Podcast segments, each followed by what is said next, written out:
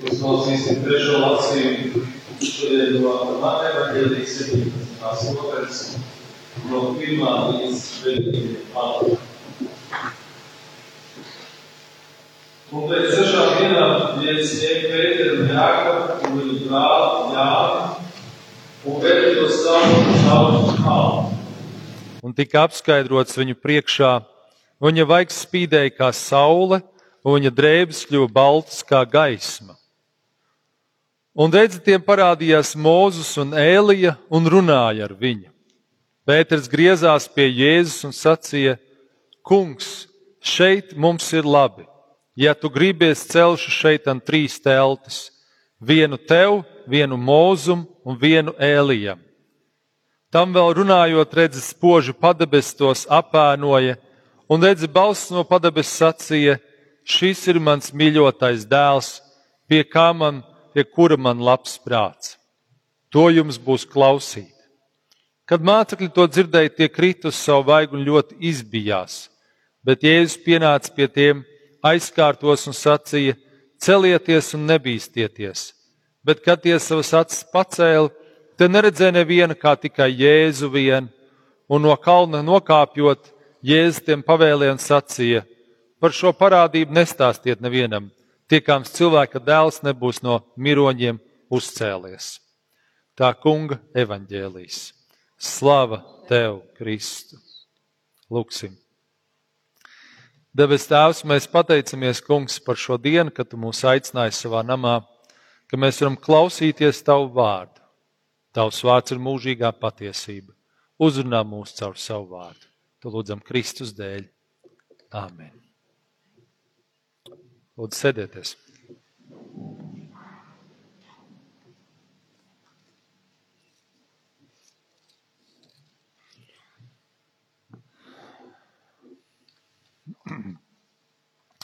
Tātad gaveņa laika otrā svētdiena. Šodien domāsim par Dieva taisnību un labvēlību. Un uzruna būs pamatā par 25. psalmu, bet arī nedaudz no evaņģēlīja raksta vietas kādas domas pateikšu. Mēs visi, protams, dzīvojam tādā Krievijas-Ukrainas kara domās par to lielā mērā, vai ne? Mēs visi to pārdzīvojam, kāds vairāk, kāds mazāk varbūt skatās šīs uh, ziņas vai, vai kā citādi seko līdzi. Uh, protams, mēs šausmināmies par to, kas tur notiek, un droši vien arī paši baidāmies un uztraucamies par sevi, savām ģimenēm, varbūt arī par mūsu mājām un, un zemēm un tā tālāk. Un, un tas ir ļoti dabiski un normāli, ka, mēs tā, uz, ka tā mēs jūtamies. Šajā nedēļā man personīgi īpaši ir uzrunājis, uzrunājuši vairāk psalmi. Ja mēs domājam tādā Ukraiņas kontekstā, man liekas, tur ir trīs lietas, kuras mums ir vajadzīgs darīt. Pirmkārt, ir, protams, nomierināt savu dvēseli, un šeit, man liekas, ļoti palīdz psalmi. Es to esmu jau kaut kur teicis, ka psalmi ir tie, kas pārsvarā Dāvida rakstīti, un Dāvids ļoti daudz cieta no vajātajiem. Īpaši no ķēniņa Saula, bet arī no sava dēla, Absaloma un vēl no citiem. Un tad psalmos ir daudz tieši tas, kā cilvēks jūtas, kad viņš tiek vajāts vai ka viņam draud briesmas. Tāpēc psalmi, man liekas, ir labi šī laikā lasīt, lai nomierinātu savu dvēseli. Tad otrs, ko mēs Ukraiņas kontekstā varam darīt, mēs varam lūgt par Ukraiņu. Mēs varam lūgt par mieru Ukraiņā. Mēs varam lūgt, lai, lai Dievs svētī, ka tie, kas ir beigļu gaitās, var nokļūt uh, drošā vietā un tā tālāk tā joprojām. Un trešais, mēs varam kaut ko darīt Ukraiņas labā. Mēs varam kaut ko noziedot, mēs varam praktiski iesaistīties vai kādas citas lietas darīt. Bet šodien vairāk varbūt par to dvēseles pusi. Jo man liekas, tas ir tik svarīgi arī, ka mēs savā ģimenēs un ar tiem, kas mēs esam ticīgi, ka mēs to dvēseli mierinājuši, varam mierināt cilvēks mums apkārt. Un caur šo mierinājumu es ticu arī liecināt par Dievu. Tātad 25. piektais psalms. Kā jau teicu, jūs varat sekot arī tam psalmam līdzi. Viņš ir uh, mūsu dziesmu grāmatā. Šodien mēs viņu tātad sākumā dziedājām. Uh, no 8. līdz 14. pantam īpaši par to arī runāšu. uh, ne tikai šajā 25. psalmā, bet arī daudz psalmos mēs varam lasīt par to, ka Dievs ir taisns, ka Dievs ir taisnīgs. Protams, tie, kas ir kara zonā, var vienmēr teikt, kur tad ir, kur tad ir tas taisnīgais Dievs. Bet viņš tur ir. Viņš tur ir klātsošs tiem cilvēkiem. Es īpaši tiku uzrunāts šajā nedēļā arī no 11. psalma dažiem pantiem, kur rakstīts tā. Redz, tur ir bezdievīgie, viņi uzvelk savu stopu, liek savu bultu uz auglas, lai tumsā to izšaut uz tiem, kas skaidrs savās sirdīs. Un tad ir tāds jautājums, kad pamati grūs, ko darīs taisnais. Un psalms beidzās, jo tas kungs ir taisns, viņš mīl taisnību, taisnie skatīs viņa vaigu. Un, kad es lasīju šo psalmu, Kad es tā iedzinājos šajos vārdos, es sapratu, ka nav svarīgi, ko es ar savu cilvēcisko prātu domāju. Bet ir svarīgi, lai es savā būtībā, un varbūt mums cilvēciski jāpiesauc kāds mūsu iekšējais orgāns, varbūt tā ir sirds vai dvēsele, ka es savā iekšējā būtībā, sirdī dvēselī, ka es pieņemu, ka Dievs ir taisnīgs. Neatkarīgi no tā, ko es apkārt redzu bet es paļaujos un ticu, ka Dievs ir taisns visos laikos, vienmēr visur. Un tas ir tas, kas man liekas, ir šī ticība. Ka tu ārēji redzi, ka viss ir baigi slikti, ļoti slikti, domājot par šo situāciju Ukrajinā, bet ka tu iekšēji vari noticēt, ar mani viss būs labi. Un arī tad, ja nebūs tik labi, kā es to esmu domājis. Jo mēs paši kādreiz domājam savādāk nekā Dieva domas, atcerēsimies rakstos, jo jūsu domas nav manas domas. Bet, kad es turos pie šī Dieva vārda apsolījuma, ja es turēšos pie Dieva, ar mani būs labi. Tik labi, cik Dievs man ir vēlējis.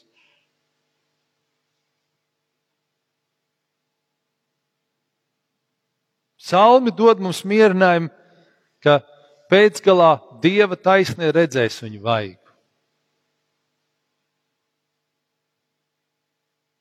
Un tad vairs nav jautājums, jebkurā konfliktā, vai tas ir Krievijas, Ukrainas karš, vai tas ir kāds mazāk konflikts mūsu mājās, apkārtnē vai nav kur.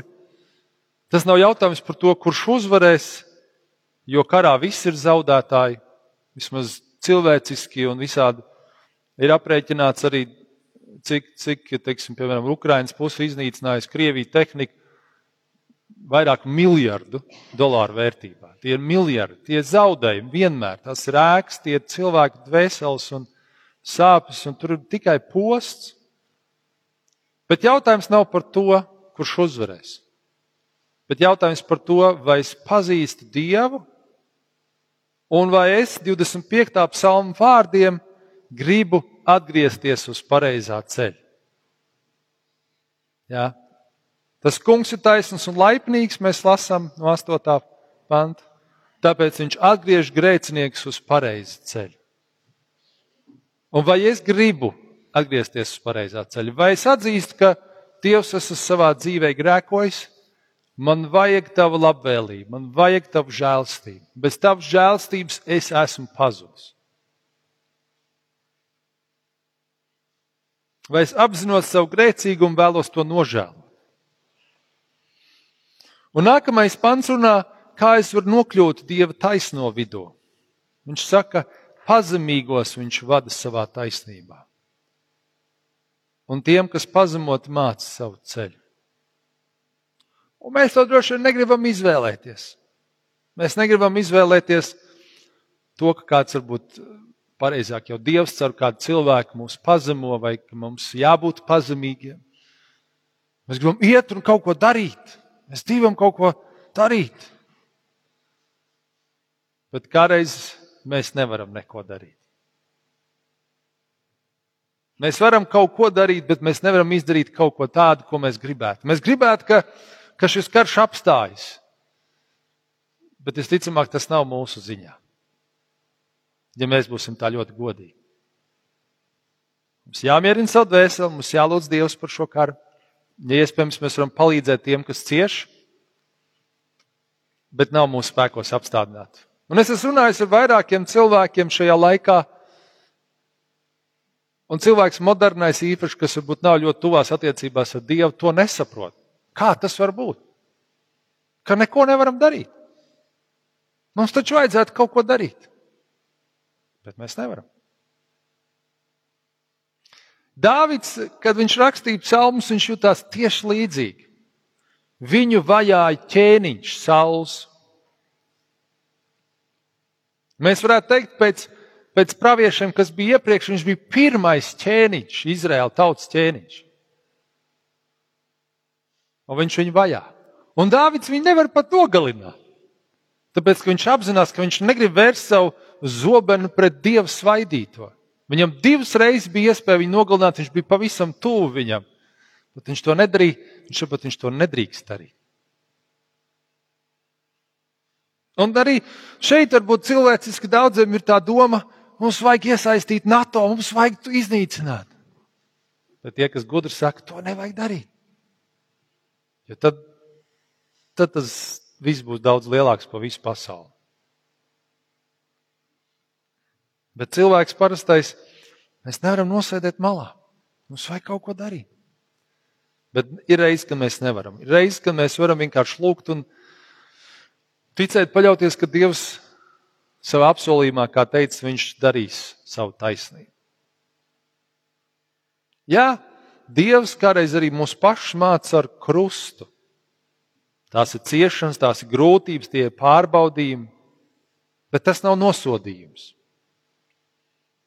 Aizgājušā nedēļā mēs studējām Bībeli, eh, kursu lasīsim Bībeli ietvaros, un Efeziešu 2.16 lasījām, ka caur Jēzus Kristus nāvu pie krusta Dievs noārdīs starpsienu starp cilvēku un dievu. Tāpat sienu, kas šķīra jūdus, jeb izredzēto tautu no pagāniem. Un ka mēs caur Jēzus Kristu nāvu pie krusta, mēs varam nākt pie Dieva un būt tuvās attiecībās ar viņu. Lai Dievs mācītu mums, kā tas ir iet viņa ceļus. Arī tad, ja mēs neesam, nesaprotam tos bet arī neiet tādas nosodījuma ceļus, ko es esmu pareizi vai nepareizi izdarījis, ko Ukraiņu tauta ir pareizi vai nepareizi izdarījusi. Tas nav viss tik vienkārši. Bet tas, tas jautājums ir par mani, tevi un par cilvēkiem, kas mēs te esam. Vai es ticu Dievam, vai es apzinos savu grēcīgumu, vai es nožēloju, un vai es izvēlos iet Dieva ceļu, kas ir arī krusta ceļš, kas glāb no posta kas noāda šo attālumu no manis un Dieva. Ka tas nav, ka es esmu grēkojis un tagad par mani ir mūžīgs sots, bet es esmu grēkojis un es to atzīstu, bet es nožēloju un Kristus piedošanas dēļ man ir piedots.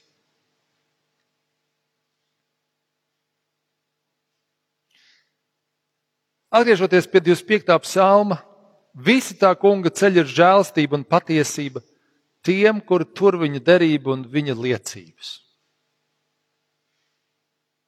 Tas attiecas pirmo bausli, vai Dievs ir mūsu Dievs, vai mēs ieliekam viņu galvenajā vietā. Un ja tā, tad mēs esam viņa tauta. Ka mēs atzīstam Dievu un pieņemam viņu arī mūsos, mūsu pārbaudījumos, mūsu grūtībās, ka mēs vienalga izvēlamies, ka Dievs ir mans Dievs.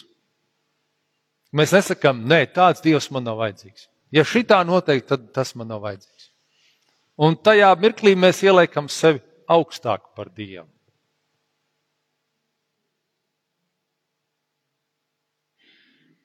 Dieva ceļi nevienmēr ir iz, izprotami, nevienmēr ir viegli, visbiežāk ir diezgan grūti, bet zinot un uzticoties, ka Dievs zina labāk. Šis psalms tālāk ejot mums mudina, kungs, piedod man mana noziegumu. Mums jāapzinās, ka mums mūsu noziegums, kā Mārtiņš Luters saka, tas ir mūsu iedzimtais grēks paliek. Mēs nevaram būt pavisam tīri no mūsu grēkiem. Kamēr mēs esam miesā, Luters atsaucas uz apstulu Pāvilu, mēs grēkosim. Kamēr mēs esam miesā, kamēr miesa ir mums, mēs grēkosim. Un tomēr mēs arī dzīvojam Dieva taisnībā. Kamēr grēku nožēlojam, pie Dieva tveramies. Tveramies pie Dieva kā mierinājumu. Pie Dieva vārda saka Dievs, es esmu grēkojis. Es esmu uz Es esmu noziedzies, man māte ir ieņēmusi mani grēkos, bet piedod man to. Un lai tava taisnība parādās manā dzīvē, un lai tava taisnība parādās ik viena cilvēka dzīvē, arī šeit, šajā konfliktā starp Krieviju un Ukrajinu.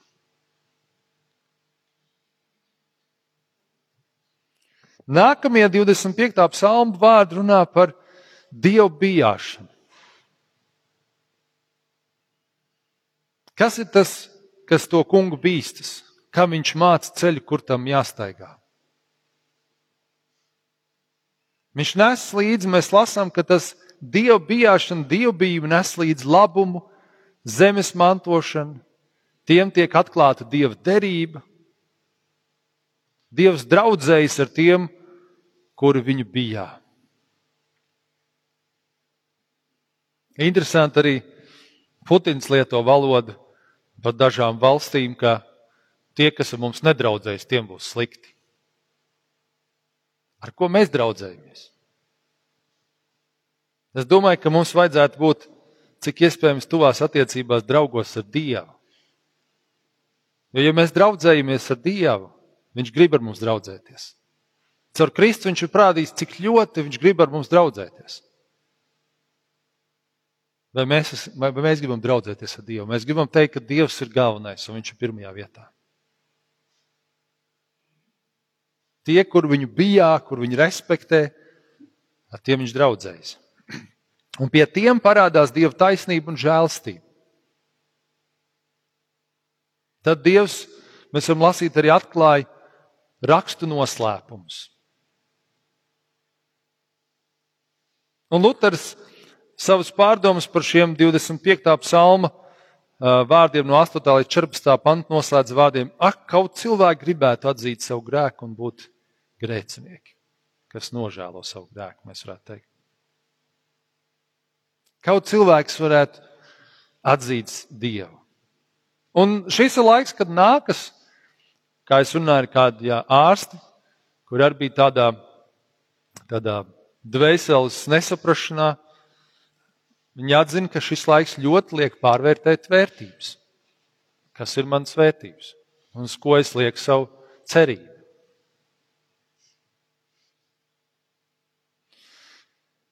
Kad mēs nedaudz ieskatāmies uh, Mateja evaņģēlijas 17. nodaļā, tātad Jēzus apskaidrošanas kalnā, um, Mēs lasām tekstu par mācekļiem, kurus Jēzus paņēma līdzi uz kalnu, un tur viņi piedzīvo sastapšanos ar Dieva balsi. Viņi piedzīvo Jēzus apskaidrošanu. Mēs varam domāt, ka Dieva balss ir tā, kas liek mācekļiem izbīties. Tik bijājams, tik respektabls ir Dievs.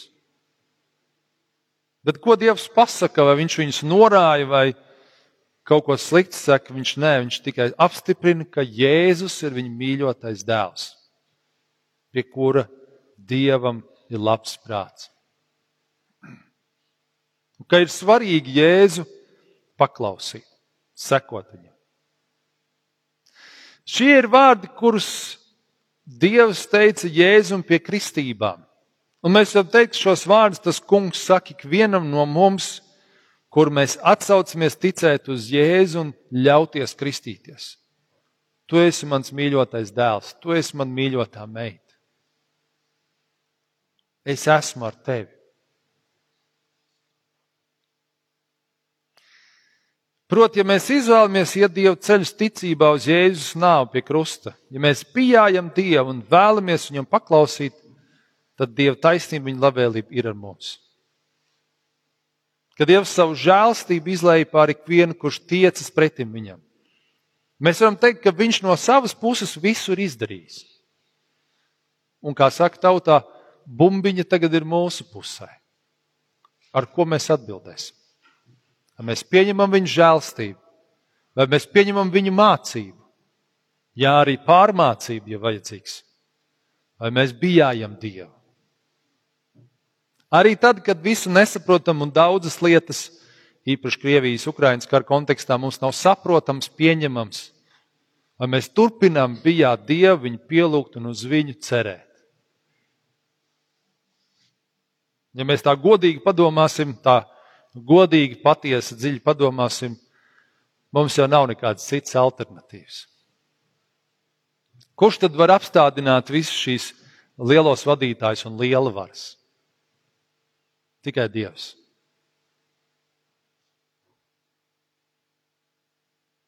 Mums nāks paļauties uz to kungu, kurš visu zina, kurš darīs tā, ka pēcgalā tiem, kuri to meklē, notiks taisnība.